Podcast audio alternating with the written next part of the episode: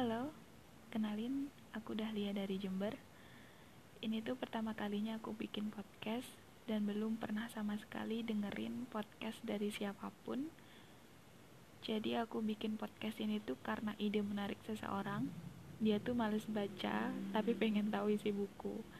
Jadi siapa pun kalian yang pengen baca buku tapi males, kalian bisa dengerin dongenganku di podcast ini.